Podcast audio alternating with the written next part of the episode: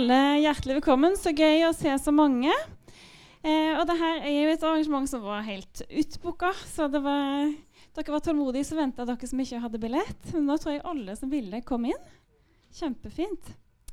Eh, mitt navn er Hilde Elise Bie. Jeg er arrangementsansvarlig på biblioteket her.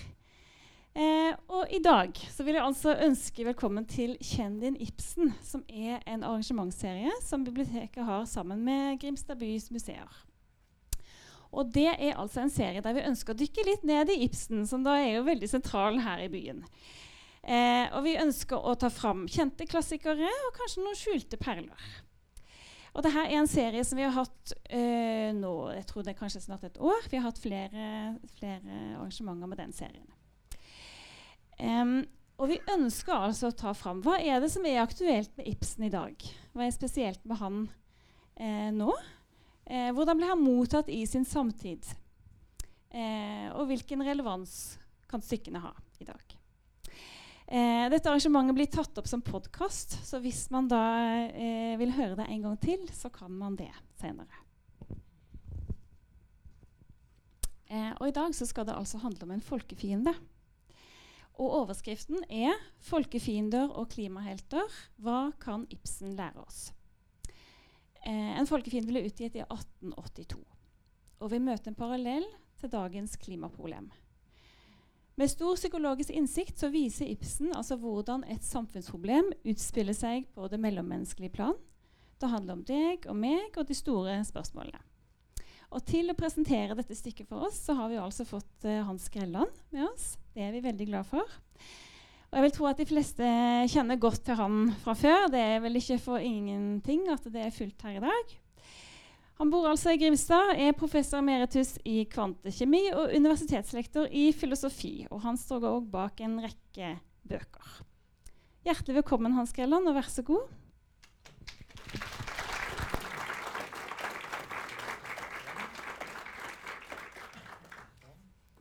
Um, ja, da er det sånn at um, eh, kort tid etter at jeg flyttet til Grimstad, og vi er tilbake på 90-tallet, så jeg er nesten tilbake på Ibsens tid, så, så, underviste jeg noen år i luftforurensning. Det er jo også måtte, litt sånn innenfor rekkevidden av mitt fagområde. Og eh, da var klimaproblemet et av mange problemer, og det var på en måte et slags fremtidsproblem. Nå er det ikke et fremtidsproblem lenger. Nå er, det et, uh, nå er, det, nå er vi midt oppi det. Og klimaproblemet er jo et miljøproblem. Eh, og det kommer av et utslipp. Utslipp av CO2 og andre klimagasser. Så det har det til felles med andre miljøproblemer at det har um, menneskelig aktivitet som uh, handler om utslipp. Og det handler om hva skal vi gjøre fordi vi har utslipp av en grunn. Det er fordi vi har spesielle aktiviteter som er nyttige og bra for oss. Og så når utslippene da skader naturen, og i dette tilfellet også skader oss selv, så er det spørsmål hva, hva gjør vi da? Og dette er vi jo midt oppi nå, i diskusjonen.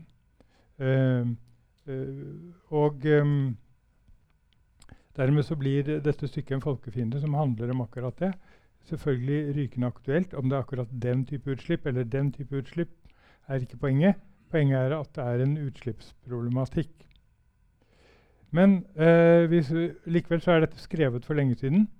Eh, det er sånn at jeg nesten ikke har lyst til å nevne det. Sånn at, eh, men eh, det er litt morsomt å vite det òg. Fordi eh, vi vet jo at Henrik Ibsen bodde her i Grimstad i sin ungdom. Da han gjorde det, så satt han på bakrommet på det som nå er Ibsen-museet, på apoteket der, og når arbeidsdagen var over, og diskuterte med venner bøkene til Søren Kirkegård, som var den store danske filosofen. Og de, vi har fått vite, de har liksom fortalt, disse vennene hans, spesielt Kristoffer Due, har fortalt at de satt der og leste Kirkegårds bøker og diskuterte dem ivrig. Og Ibsen var veldig samfunnsengasjert. Nå, da er vi tilbake på 19 Eh, på 1840-tallet, altså 40-50-tallet. Eh, så det er jo lenge før dette her stykket her blir skrevet. Um, så går årene, og Ibsen blir en berømt, kjent uh, dikter. Han blir en skuespillforfatter først og fremst. Og også, han skriver også dikt, selvfølgelig. Og så sitter han da nå på 1880-tallet i Tyskland, høyt oppe i fjellene, i, og, og, skriver så, Og um, i en by som heter Gråsensass, og skriver om en liten kystby i Norge.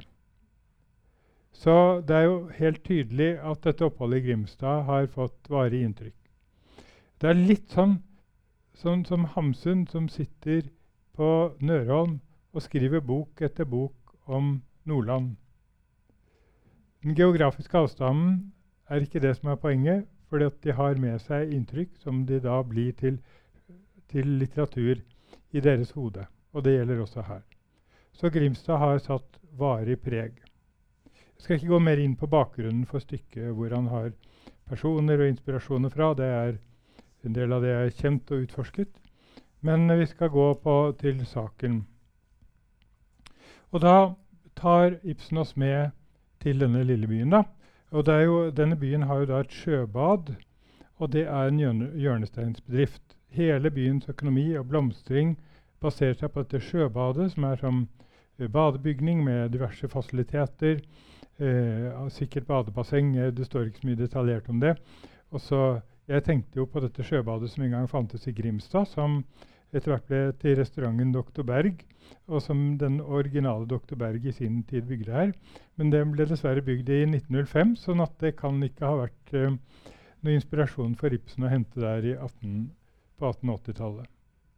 Eh, derimot så kan vel kanskje Garveriet ha vært en inspirasjon, for Garveriet kommer også inn her. Det er en liten by med sjøbad og garveri.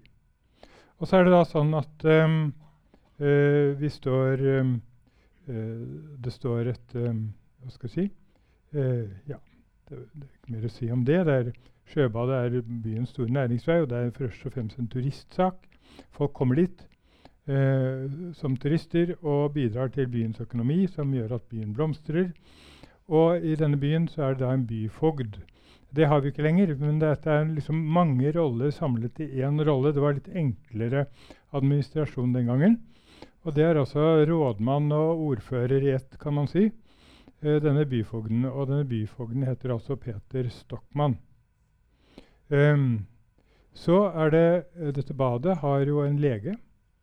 eh, og um, knyttet til seg. Og denne legen heter også Stockmann. Han heter eh, Thomas Stockmann, og er bror til yngre bror av denne Peter, byfogd Peter Stockmann.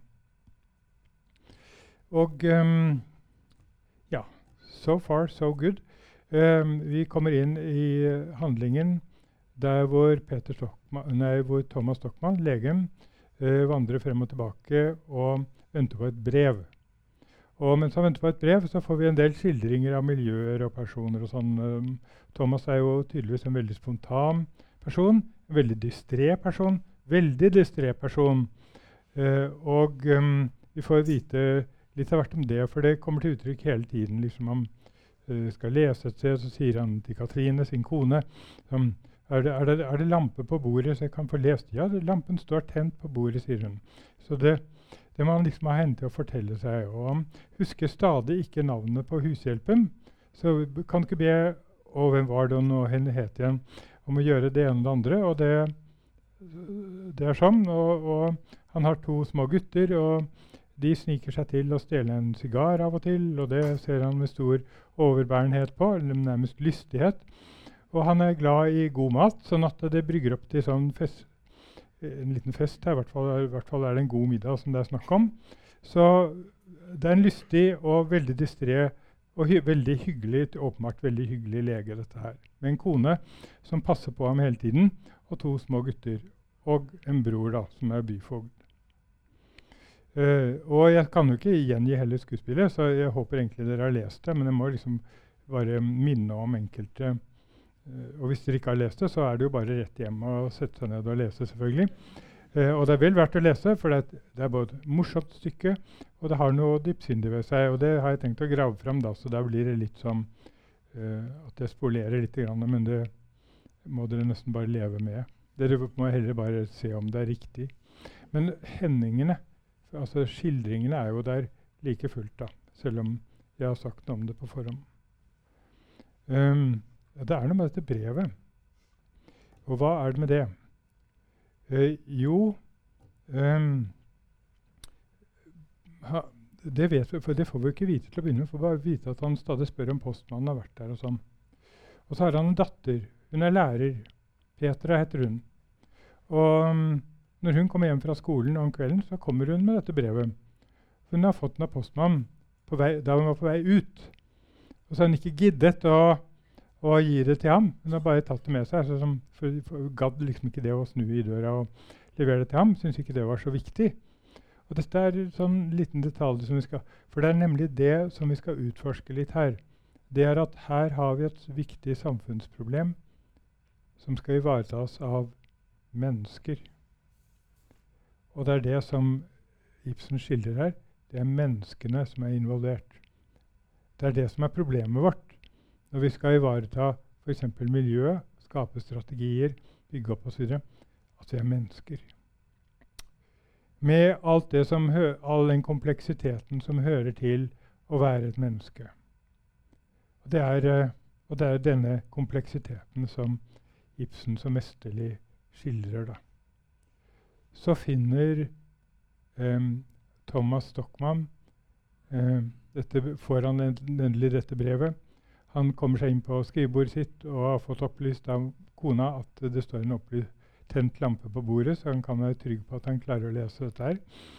Og han leser det og kommer ut og er veldig glad.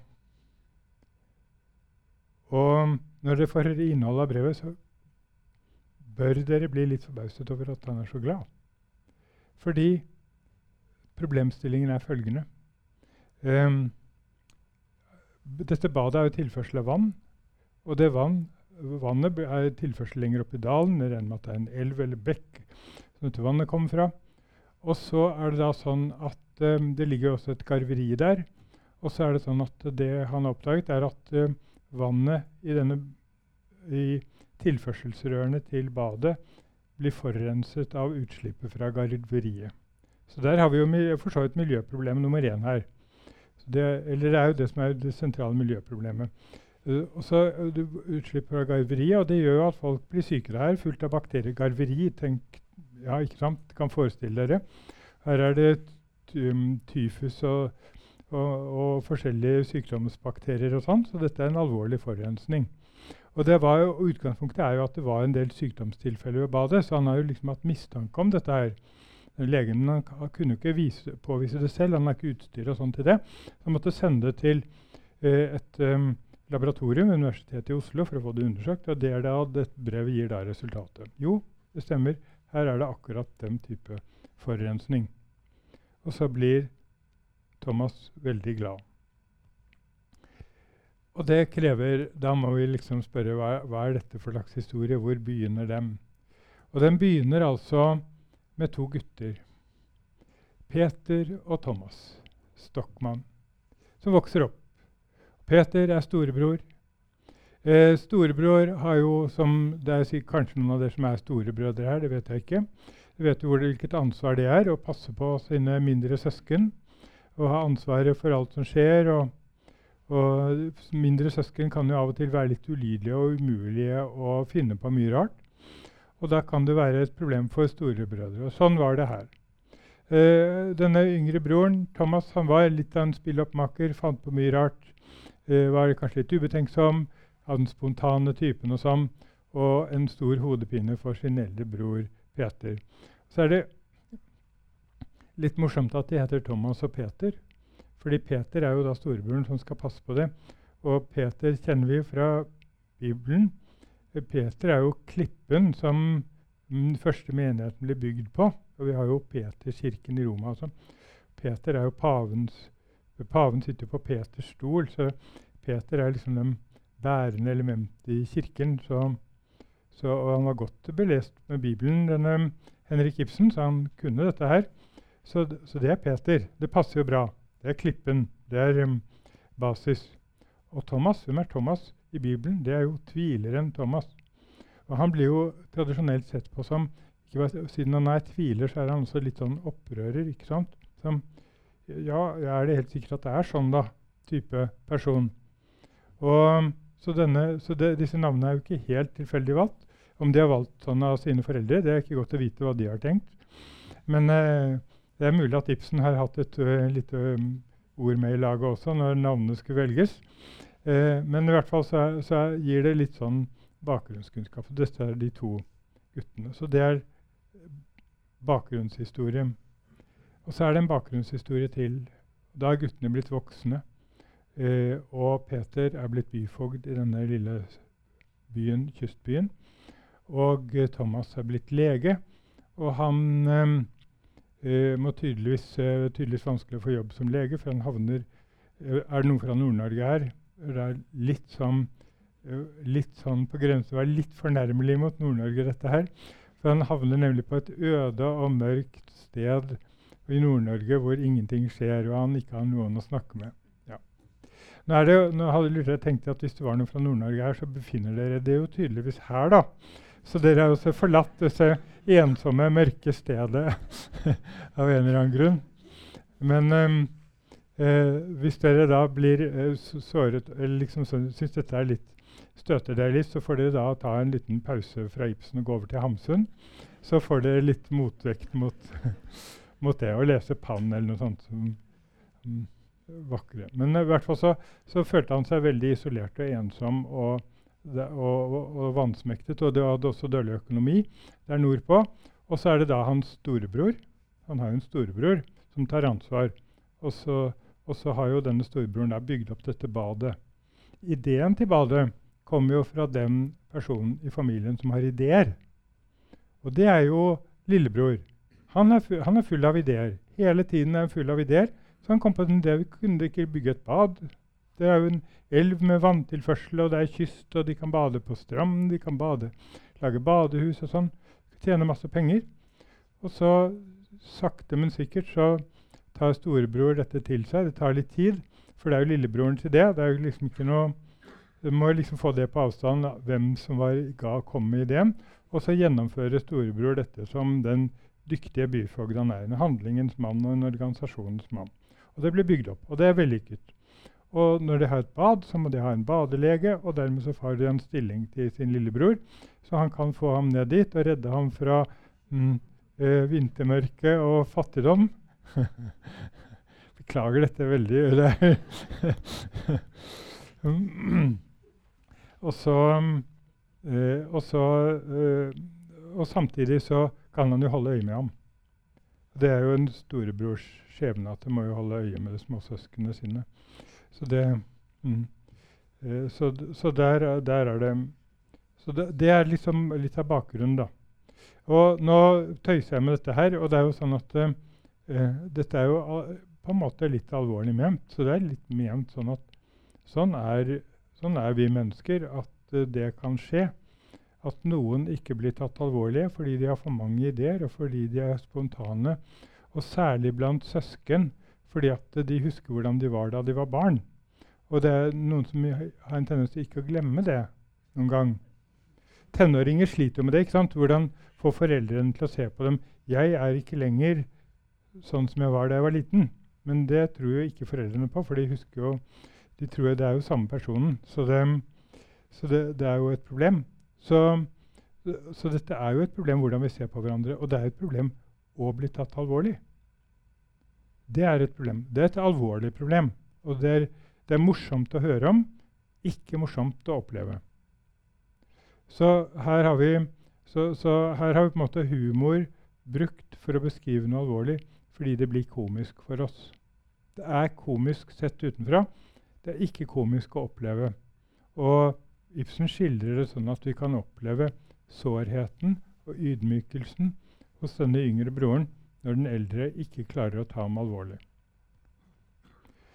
Og så er det da at denne lillebroren da har gjort denne oppdagelsen. Og så eh, Ja, så får han vite at han hadde rett. Og det er derfor han blir glad. Han har rett. Så alt annet Altså hvem, om folk blir forgiftet, hva det betyr for økonomi. Økonomi har han ikke peiling på. Uh, det får vi klart vite veldig tidlig. for at, uh, han, jo, han, serverer jo denne fine maten, og så kommer broren byfogden inn på besøk og så, sier, så forteller han ja, nå har vi fått det så bra, for nå tjener vi mye bedre. Så, så nå bruker vi uh, Uh, så nå bruker jeg nesten like lite skal se hva han sier, han bruker nesten like lite som jeg tjener. Altså, han, og Det er kona hans som har sagt det til ham. da. Det er hun som har oversikt over økonomien. Så hun har fortalt ham det. De tjener nesten like mye som de bruker. Og da, da er han så inderlig fornøyd med det. Så det, og, og, så det er kona som har økonom, sa, styring. Så vi får jo peiling på hvor mye peiling han har på økonomi. da. Så dette er jo upraktisk mann fra A til Å. Eh, og, eh, men han er opptatt av å bli tatt alvorlig, og nå har han gjort noe skikkelig. Han er lege. Han dette er hans fag. Så han har hatt mistanke om noe. Han har fått sendt det til analyse. Han har fått vite at sånn er det. Og han har rett. Og nå har han noe å slå i bord med neste gang han møter sin bror, nemlig ved å si Her kan du se, jeg har rett. Og derfor blir han veldig glad.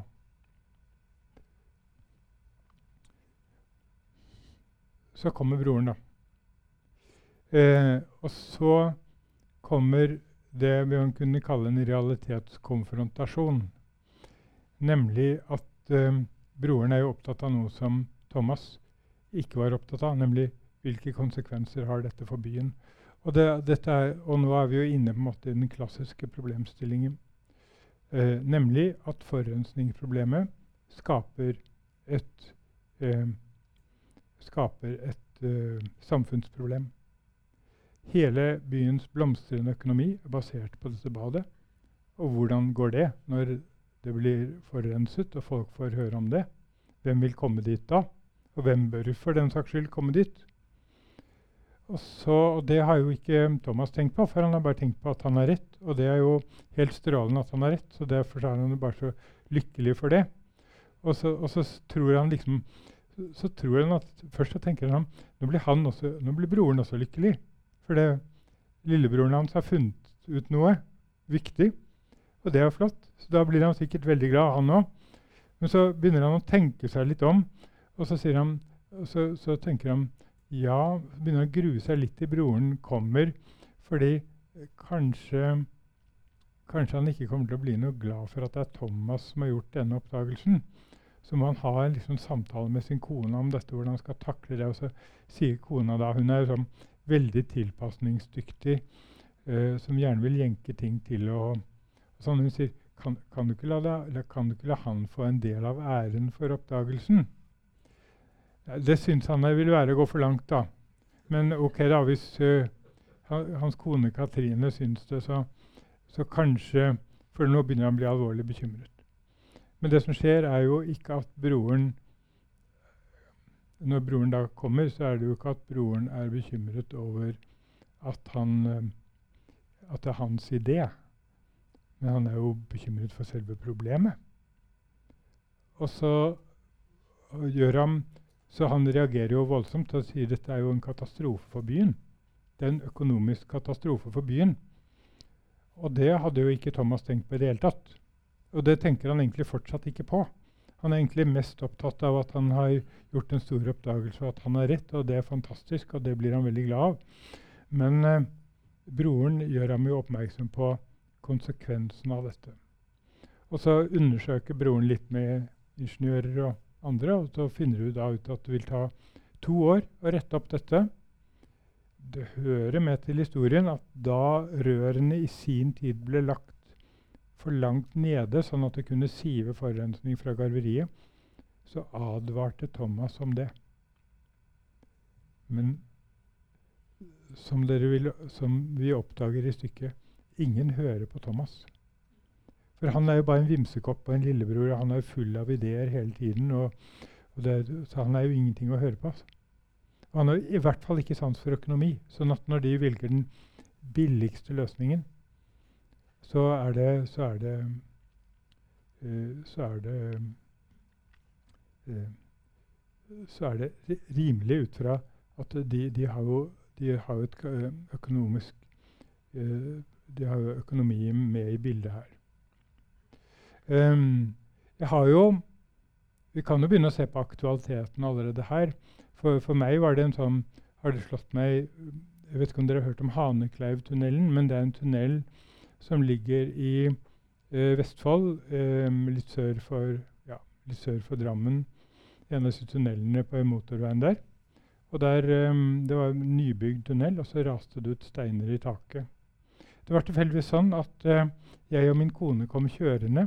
Og steinene raste ut en time etter at vi hadde passert tunnelen. Så vi hadde radioen på, så hørte vi i nyhetene at det raste ut stein i Hanekleivtunnelen, som vi nettopp hadde passert. Så det gjorde litt inntrykk, da. Så har vi godt utstyrt med fagfolk på UiA, sånn at uh, når dette ble kjent, og sånn, så hadde jeg fagfolk til å fortelle meg hva, hva, hva som hadde skjedd. Uh, og Der var det en geolog da, som hadde satt seg nøye inn i det, og han hadde sa at de hadde brukt for korte bolter. Og det var jo for å spare penger. Og det høres ut som akkurat som å bruke for korte uh, sånne tilførselsrør for å spare penger til dette badet. Så det, det var den første aktualiteten med dette stykket som jeg kom på. Og dette skjedde i Norge. Det er ikke så veldig mange år siden. Vi måtte jo stenge tunnelene og, og, og reparere dem. og sikre dem osv. Det var en stor ting, men det var en ganske ny tunnel. Men nå har vi jo fått en ny greie med en Follo-tunnel nettopp. Og det er jo samme historien igjen. At man skulle spare penger med et shortcut i måten å løse det på. Og så, og så kommer konsekvensene. Hanneklaugtunnelen tok ingen liv. Det kunne det godt gjort. Eh, Follotunnelen tok heller ingen liv. Um, mens um, eh, klimautslipp tar liv. Og det tar liv. sånn at det er, uh, vært, det er liksom litt vanskelig å måle. For det, det, er ikke det enkelte bidraget som tar liv, men det er summen av dem. Og, i, og den summen består av de enkelte små bidragene, så det er litt sånn uoversiktlig. Men dette er jo spørsmål om liv og død. Men så kommer vi i den situasjonen som de kommer i her, nemlig at når vi skal rette på ting, så er det en omkostning. Og det som da eh, byfogden står overfor, det er at eh, hvis de skal eh, gjøre noe med dette, så må de stenge av badet i to år. Da sier han for det første mister de inntektene i de to årene. Og for det andre står nabobyene. Og når, Hvis vi nå er i Grimstad, så tenker vi der står Lillesand og Arendal og alle klare til å bygge sitt eget bad. For de kan jo bygge bad, de òg. De ligger jo ved kysten og har sjø og alt mulig.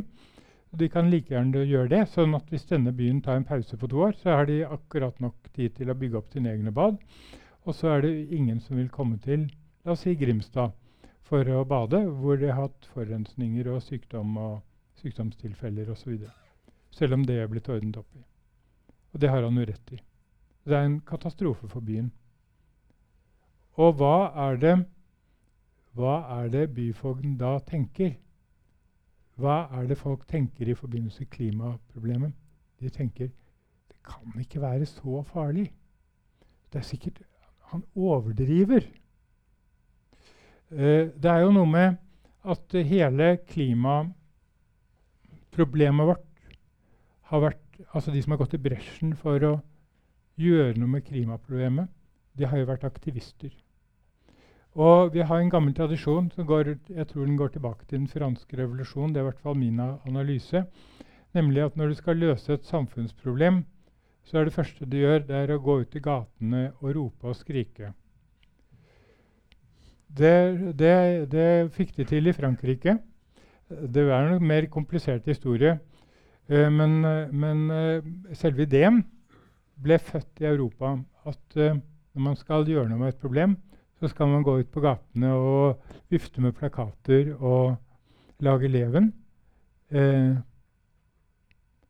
Og så står det i litt i kontrast til at skal du løse et problem, så må det sitte ingeniører, økonomer og planlegge og regne og beregne osv. Det er en møysommelig arbeid å løse et miljøproblem. Og klimaproblemet er mest møysommelig av dem alle. Og um, så på en måte er dette, sånn, dette skuespillet er litt sånn bilde av det, for du er jo før miljøaktivistenes tid. Men, men uh, Thomas Stockmann er liksom han, Jeg skal ikke sammenligne ham med, med ærlig, oppriktig engasjerte miljøaktivister. Eh, jeg, det, jeg, har for så vidt gått i demonstrasjonstog selv, sånn at det er ikke sånn at jeg er imot det. Men, eh, men det er noe med at han, hans framtreden altså Fordi han, han, blir jo helt, han blir jo veldig oppspilt og, og, rasende over dette her. Og nå tror jeg nesten at jeg må ta noen sitater. Fordi at hvis På slutten av stykket så, fordi Dette spisser seg jo til. Og det ender med at han står og taler på et folkemøte. Og da har han da fått oppdaget at uh, når, når, det går opp for folk hva dette koster, så er det ikke bare byfogden, hans bror, som, som protesterer. Han får alle med seg. Og når legen først gjør sin oppdagelse, så fikk han jo god kontakt med pressen. og sånn. Journalistene ble glad, dette var godt stoff osv. Så, videre. så kommer byfogden og forteller journalistene er dere klar over hva dette betyr for byen. Og så var det plutselig ikke godt stoff lenger. Og så var det plutselig som kunne byfogden fortelle vi har nok tenkt over dette og funnet ut at det er ikke så alvorlig. og det skal ikke så, Vi behøver ikke gjøre så mye. Vi kunne gjøre noen billigere tiltak. Og sånn. Og så får han folk med seg på det. Og så går folk imot eh, dr. Stockmann, som da blir en demonstrant, og som holder et folkemøte, og som sier Flertallet har aldri retten på sin side, sier jeg. Det er en av disse samfunnsløgnene som en fri, tenkende mann må gjøre opprør mot. Frie, tenkende kvinner eh, tenkte han ikke på i farten, selv om han har en veldig dyktig kone som egentlig ordner opp i alt mulig for ham. Flertallet har makten, dessverre, men retten har det ikke. Flertallet har makten, dessverre, men retten har det ikke. Retten har jeg og de andre få, de enkelte. Minoriteten har alltid retten. Og det er altså gjenklang av en filosof som Ibsen leste i sin ungdom, nemlig Søren Kirkegård, som sier dette. Og dette er min tro, at så mye forvirret og ondt og avskyelig det kan være i et menneske, så snart det blir ans et ansvars- og angerløst publikum, mengde og det slike, like så mye sant og godt elskverdig er det dem når man kan få dem enkelte. Så det er altså denne reaksjonen på massen. Derfor vil den gode, sier Kirkegård, heller ikke se å ha en mengde bak seg, det er en anskuelse av livet som mener at der mengden er, der er også sannheten, og at det er en trang i sannheten, selv at den må ha en mengde bak seg, en mengde for seg. Det er imidlertid også en annen anskuelse av livet. Den mener at overalt hvor det er mengde, så er det usannhet. Så hvis for et øyeblikk å føre saken på sin ytterste spiss enn alle enkelte hver for seg i stillhet hadde sannheten, ville de, dersom de kom sammen i en mengde, så ville usannheten være til stede, sier Kirkegård. Og dette har Ibsen har lært det, men uh, dette har tydeligvis uh, dr. Stockmann lært. Så han har tydeligvis lest Kirkegård, han òg. Og holder denne talen. Og har på en måte helt skiftet fokus. Han har glemt forurensningen. han har glemt for, for det nå er det for ham dette med at han er den ene som står imot mengden, som er blitt det sentrale. Um, da um, Dette er jo på en måte da slutten av et samspill hvor det er sånn at uh, når uh, byfogden da myndig og skarpt taler sin bror til rette og forteller dette her For det første skjønner ikke du noe av konsekvensen av dette og alvoret i det. Og for det andre er det ikke så farlig som du tror. Og det skal, dette skal vi ordne med, bare du hisser deg ned. og og, og, så har jo da legen allerede skrevet en del artikler og sånn til avisen om dette her. Og broren forlanger da at han skal trekke det tilbake. Han nekter å trekke det tilbake. Eh, og det blir jo en alvorlig konflikt mellom broren og han. Så det er jo da autoriteten. Og det som slår, det som slår dem, det er hvordan lillebror forblir lillebror i dette. Hvordan han skriker opp hvordan han reagerer med følelser istedenfor argumenter. Og hvordan det at han reagerer med følelser istedenfor argumenter, bare øker mistroen til myndige byfogden. Han, får, han glir med andre ord bare rett inn i det bildet av den trassige lille gutten med masse slags ideer så, som uh, by, byfogd Peter Stokmann hele tiden har av ham. Det, det bildet av ham det glir han ganske greit inn i med å bli veldig opphisset, veldig emosjonell, veld, hyle og skrike og, og, og lage leven. Så dette er jo et menneskelig spill, da. Og det handler om å bli tatt alvorlig. Og så handler det samtidig om at hvis han nå hadde gått til fornuft Vi skjønner jo alle at hvis han hadde tatt til fornuft og fulgt sin brors anvisninger, så ville det jo Han ville jo ikke gjort jobben sin. Det er jo ikke noe spørsmål her. Og det er jo litt sånn som med klimaproblematikken og andre forurensningsproblematikker. Det er ikke noe spørsmål om hva som er det riktige svaret, men det er et, um, det er et uh, spørsmål om hvordan man skal hanskes med den konsekvens at uh, det er det svaret som er riktig. Um, det er jo en, um, kjent, en amerikansk psykolog som heter Erik Byrne, som er kjent for uh, å utvikle det som vi kaller for transaksjonsanalyse. Som har analysert disse rollene med voksne og barn og foreldre og kommunikasjonen i det. Og eh, når jeg lærte det om det, så tenkte jeg at dette har Ibsen oppdaget før ham. Så dette kunne Byrne uh, funnet hos Ibsen. Og kanskje bedre i en folkefiende enn noe annet sted. Fordi her har vi nettopp dette samspillet. Uh, og det som er Burns poeng, er jo da at uh, når vi vokser opp, så venner vi oss til tre roller i livet. Og det gjelder, det gjelder oss alle. Altså er, vi lever og vokser opp under forskjellige kår. Vi har forskjellige betingelser, forholder oss til forskjellige personer. Men noe har vi felles. Alle har vi foreldre. Ja, noen er foreldreløse, men da har de andre som er i foreldres sted. Sånn at det å ha noen i en foreldrerolle, det er en felles opplevelse. Alle har vært barn, så det har vi opplevd. Og så forhåpentligvis alle er blitt voksne. Det skal jeg ikke garantere, men det er jo Eh, det er i hvert fall sånn, regnes da som en sånn allmenn eh, hva skal jeg si, utviklingstrekk. Og dermed så har vi de rollene med oss. Og det som Børn påstår, da, det er at vi blir aldri kvitt disse rollene. Så vanligvis vi tenker nei, nå er jeg ikke barn lenger, nå er jeg voksen. Og så kanskje jeg blir forelder. Men, men det han sier, er at eh, når du er barn, så kjenner du godt til barnerollen, og etter hvert lærer du deg foreldrerollen, for du er nødt til å ha den. Fordi når du skal styre deg selv altså Det kan jeg ikke gjøre fordi det liker ikke mamma. Så er det som om forelderen flytter inn i deg. Og du tar til deg foreldrerollen. Så barn kan godt uh, opptre som foreldre. Og, så, og de, kan, de, kan, være foreldre, de kan irettesette foreldrene sine på en foreldremåte eh, hvis foreldrene er sinte eller fortvilte på en barnemåte. Og vi blir aldri, også, så I vårt spontane følelsesliv så er vi fortsatt barn.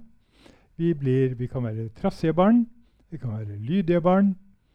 Eh, og, eh, og, vi kan være som, og vi kan være, spille foreldre. Vi kan være omsorgsfulle foreldre, vi kan være strenge foreldre.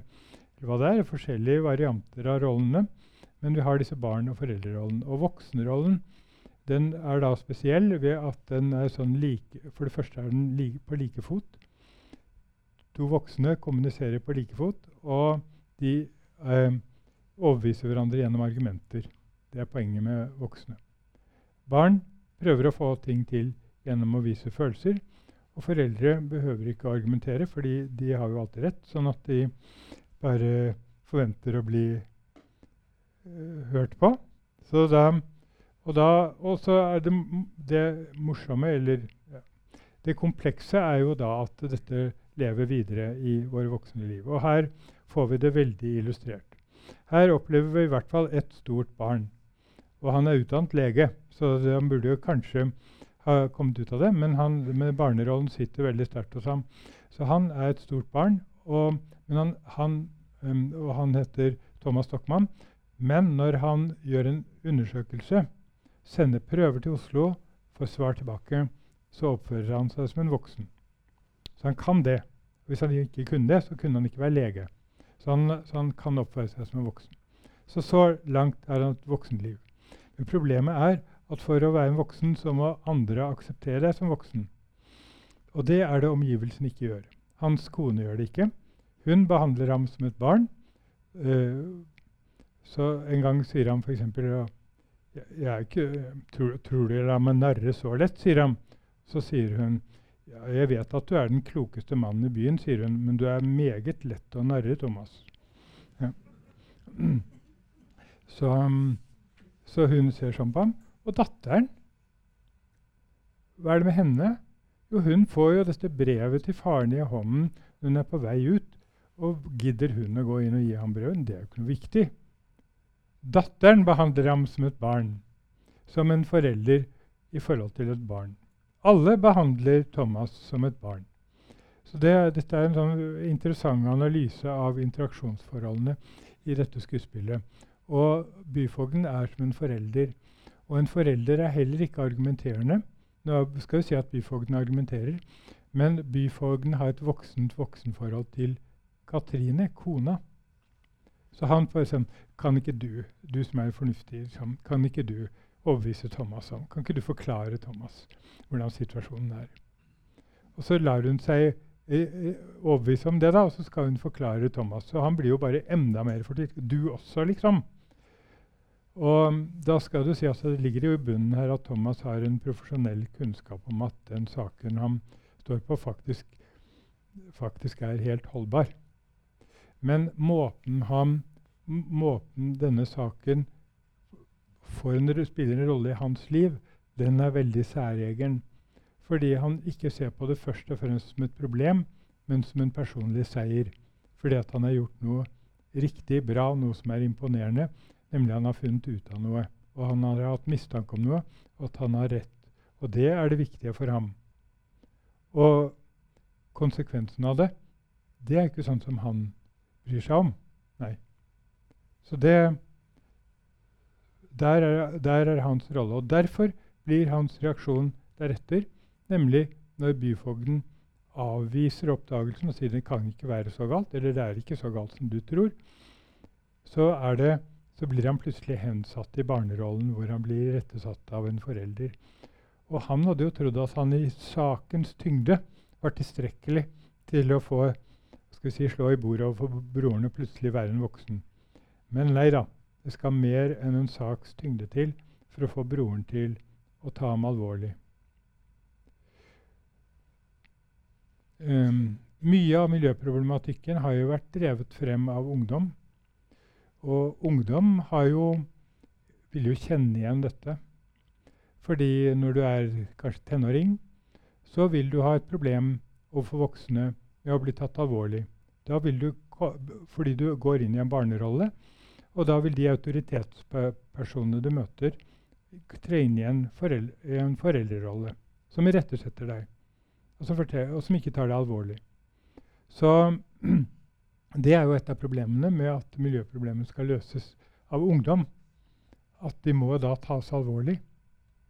Eh, jeg eh, skal ikke analysere Greta Thunberg her, men hun opptrer jo ikke akkurat som en voksen som går inn i en voksen-voksen-kommunikasjon med omgivelsene. Men eh, eh, det er jo et spesielt tilfelle fordi at eh, her er så å si tyngden av saken så fremtredende at eh, man klarer ikke helt å behandle henne som barn heller. Fordi den saken hun representerer, er så åpenbart vektig. Da. Men problemstillingen er der. Så hvis dere ser på hvem som er kritiske til Greta Thunberg, så, de, så gjør de det gjennom å innta en foreldrerolle som er sånn irettesettende overfor dette barnet, som faktisk har rett. Altså, Innholdsmessig har hun noe rett, men i form så opptrer hun jo som et skrikende barn, for å si det sånn. På godt og vondt. ja. Så jeg skal ikke felle, min, min, oppgave her føler jeg er ikke akkurat å uh, sette meg til doms eller si sånn og sånn skal ting gjøres, men å analysere hva som skjer ved hjelp av det eksempelet som Ibsen har lagt foran oss. Så her er det mye å oppdage, nemlig at uh, skal vi oppnå noe, så, vi så, er vi mennesker og må kommunisere med mennesker. Og spørsmålet er hvordan skal alvorlige saker bli tatt alvorlig og bli gjort noe med på en ordentlig måte. Det er jo sånn at, da, at miljøtradisjonen er jo at man eh,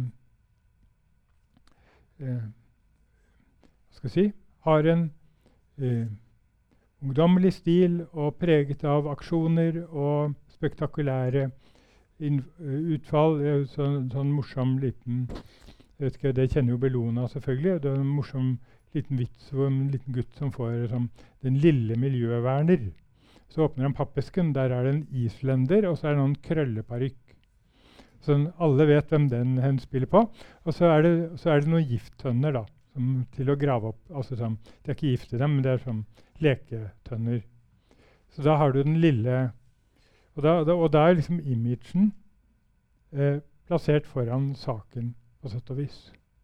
Og Det er jo det vi står overfor som et problem, nemlig at vi må løse saken. Så er det jo sånn da at uh, i dag så er det jo et hardt arbeid for å løse miljøproblemer. Og det er veldig mange som gjør en jobb for å gjøre det. Og de er jo kjedelige. Ja, de er jo kjedelige. Det er et problem i denne voksen-barn-problematikken. Det er at barn er sjarmerende. Um, foreldre er ikke sjarmerende. De er jo strenge, og er, vi trenger dem. De trenger omsorgsfulle foreldre og av og til korrigerende foreldre, men de er ikke spesielt sjarmerende. Og voksne er kjedelige. Dette er veldig mye tegnet med bred pensel, dette her, men jeg syns Børn har noen ganske gode poenger at når, når, vi skal være sjarmerende, så må vi på en eller annen måte spille en barnerolle. Så hvis en voksen mann skal være sjarmerende, så må han sånn, være litt gutteaktig. Så skal være sjarmerende, så må, det er barn som sjarmerer. Og det betyr at disse alvorlige arbeidende ingeniørene og eh, alvorlige arbeidende politikerne som gjør ting systematisk, ansvarsfullt og ordentlig, og planlegger og økonomer osv., de er jo kjedelige. Og så, er, så, så, så, tenker jeg at det er, det, det er, jo problemet vårt, at disse problemene må løses av kjedelige mennesker.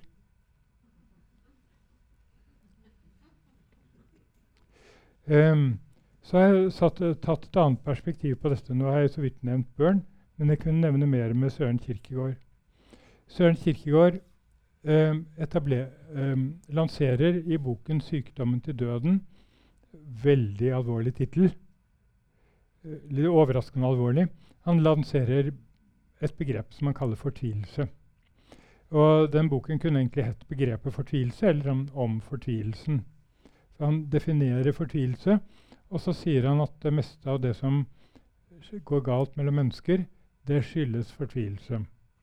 Og da sier han at fortvilelse er fortvilet ikke å ville være seg selv. Fortvilelse er fortvilt ikke å ville være seg selv. Og eh, jeg har jo den teorien om Ibsen at denne boken 'Sykdom til døden' og dette begrepet fortvilelse har Ibsen tatt til seg. Og det er grunntanken i alt det han skriver. Så jeg hører jo til de som mener at um, Ibsen på mange måter er et talerør for Kirkegårds filosofi. Men han er det jo på sin egen kreative måte, så det trekker jo ikke noe fra kunsten hans. Men, det, men, det, men ideene hans kan gjenfinnes hos Kirkegård. Og når Kirkegård da skal prøve å beskrive former for fortvilelse, så kan han jo ikke gå inn i hvert eneste individ i alle dets uh, utforminger. og sånn, Så han prøver å finne noen generelle trekk. Og, og, to former for fortvilelse og noen former for fortvilelse får vi fordi vi, han sier vi er en syntese eller sammenstilling av motsetninger. Og motsetningen kan være mellom eh, det han kaller mulighet og nødvendighet. Det betyr eh, fantasi og kreativitet og det å forholde seg til å erkjenne og mestre virkeligheten. Det er to sider som er helt forskjellige. eh, kreativiteten vår den bygger jo på fantasien. Og fantasien, det er forestillingsevnen. Fantasien vår handler ikke om hvordan verden er. Den handler om, Der kan vi dikte opp verdener som ikke fins. Eh, forfattere gjør det. Ibsen gjør det. Dette skuespillet handler om folk som ikke fins. Det er diktet i hans fantasi.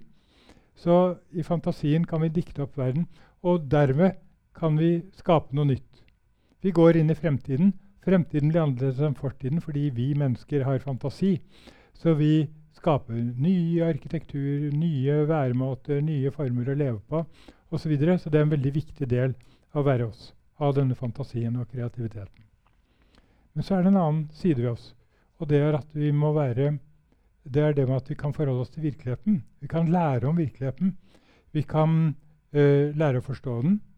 Uh, det er det Hvis du studerer fysikk og kjemi, eller økonomi, eller historie osv., så, så lærer du om hvordan virkeligheten er. Det er ikke fantasi. Det er om hvordan faktisk virkeligheten er. Og hva skal du bruke det til? Jo, fordi du skal prøve å leve denne virkeligheten, så trenger du på en måte å forholde deg til hvordan virkeligheten er. Folk som skal dyrke jorda så vi får mat, de må forholde seg til hvordan virkeligheten er. De må lære seg til hvordan planter vokser osv. Så, videre. så Så all industri, all virksomhet som vi driver med, må vi basere oss på kunnskap om hvordan ting er. Og så må vi kunne innrette oss etter det. Så da har vi liksom to sider. da. Den fantasisiden, og så har vi den virkelighetsorienterte siden. Og så sier Kirkegård at en måte å ikke vil, fortvilt ikke å ville være den jeg er på, det er å bare ville være det ene siden og ikke den andre. Og den som bare vil være fantasisiden, det blir da en som lever i fantasien og har masse ideer, men ikke klarer å realisere dem. Og kanskje ikke har tålmodighet til det og ikke har lyst til det. Og Der kommer vi tilbake til det med kjedelighet. For de som lever i fantasien, de syns jo folk som er veldig virkelighetsorientert, er veldig kjedelige. Det er jo fantasien på en måte, det er sjarmerende, men det er også det fargerike, og det er det nyskapende, og det er stilig med fantasi. Det er veldig kjedelig med virkelighet. Så Så, um, så det, det, er på en måte fantastens fortvilelse, da ikke ville og, og, det, og, det, er et ork, og det er et tiltak å måtte sette seg inn i virkeligheten og kanskje måtte bøye seg inn under den i betydning at det går ikke. Fordi det lar seg ikke omsette i praksis. Det er fantastens fortvilelse. Og så har vi det motsatte. Og det er den som mestrer virkeligheten så godt at de blir redde for fantasien. Folk som skal forandre ting, se ting på nye måter ha fantasier om hvordan ting kunne være. Fordi jeg er så flink til å mestre livet sånn som det er, og er flink til å kunne tingene sånn som det er. Jeg er kanskje en god eh, praktiker, en god ingeniør, men det nesten, gjelder, nesten virker som en styrke. Man på en måte vokser inn i yrket, og du blir flinkere og flinkere til å gjøre det du skal. Og så går det her og engstelig for folk som kommer med nye ideer og skal forandre ting osv. Og, og det blir også en form for fortvilelse. Det å bare ville være realiteter, og ikke ville ha fantasien inn. Og Det kaller Kirkeår også en form for fortvilelse. Og disse formene for fortvilelse gjenspeiler seg i Ibsens skuespill, bl.a. dette skuespillet her. Og Her ser vi hvordan eh, byfogden er en som mestrer ting. Mens eh, legen er en som har fantasi og ideer, og dermed så blir det en full ko ko konfrontasjon mellom to personer som begge er fortvilte, men på motsatte måter. Fordi virkeligheten, altså det å mestre virkeligheten, det handler om både å ha fantasi og ideer og å kunne virkeliggjøre dem. Da er du et integrert menneske. Det gjelder store prosjekter når du skal virkeliggjøre Eh, bygge en stat, et samfunn, en bedrift eller noe stort. Og det gjelder i dagliglivet, i hver minste detalj i det du gjør. At du må ha en kombinasjon av fantasi og realitetsorientering. Og her er det da det det skorter på. Men um, eh, det er jo noe her som ikke stemmer helt, selvfølgelig. fordi når legen skjønner at sykdom kommer av bakterier, og undersøker osv., så, videre, så er han realitetsorientert. Så han er tydeligvis realitetsorientert innen sitt eget fag. Han er en god lege. Og så er han en vims på alt mulig annet. Så det er, så det er, og det er en form for fortvilelse. da, At han, han ikke vil uh, Han tar ikke inn over seg de praktiske konsekvensene. Og det er jo det, det, er jo det vi må gjøre i forhold til miljøproblematikk i fremtiden. Det er at vi må slutte å tenke på de som gjør det møysommelige planarbeidet for kjedelige. Si at vi trenger det kjedelige. Og så er det jo da selvfølgelig også sånn at eh, hvis du er en, eh, hva skal jeg si, en god ingeniør, en god økonom Hvis du får til ting praktisk, så er det plutselig ikke kjedelig lenger. Men, men, men eh, hva skal jeg si, for, for, denne kjedeligheten jeg snakker om, det er sånn sjarm eller ikke sjarm, men ikke hvordan du opplever tingene. Men uansett så, er, så trenger vi en kombinasjon av fantasi og realitetsorientering. Og dette er altså det veldig mye av innholdet i dette stykket. Så det er et veldig rikt stykke. Og det er utrolig hvordan Henrik Ibsen har greid å fange opp så mange fine menneskelige nyanser i et stykke som samtidig handler om et samfunnsproblem som ligner problemer som vi ser igjen og igjen og igjen også i vår tid. Så det Jeg har ingen hatt å ta av meg for Ibsen, men um, um, men jeg blir stadig, når jeg leser Ibsens stykker, imponert over denne innsiktsfullheten.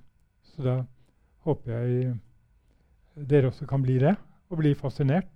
Og lese stykket om igjen, for det er stykker som kan leses om igjen og om igjen. Og så kan dere gjøre deres egne tanker. Kan dere stimulere fantasien. Så kan dere la det stimulere deres virkelighetssans. Og så, og så kan vi alle lære noe av det.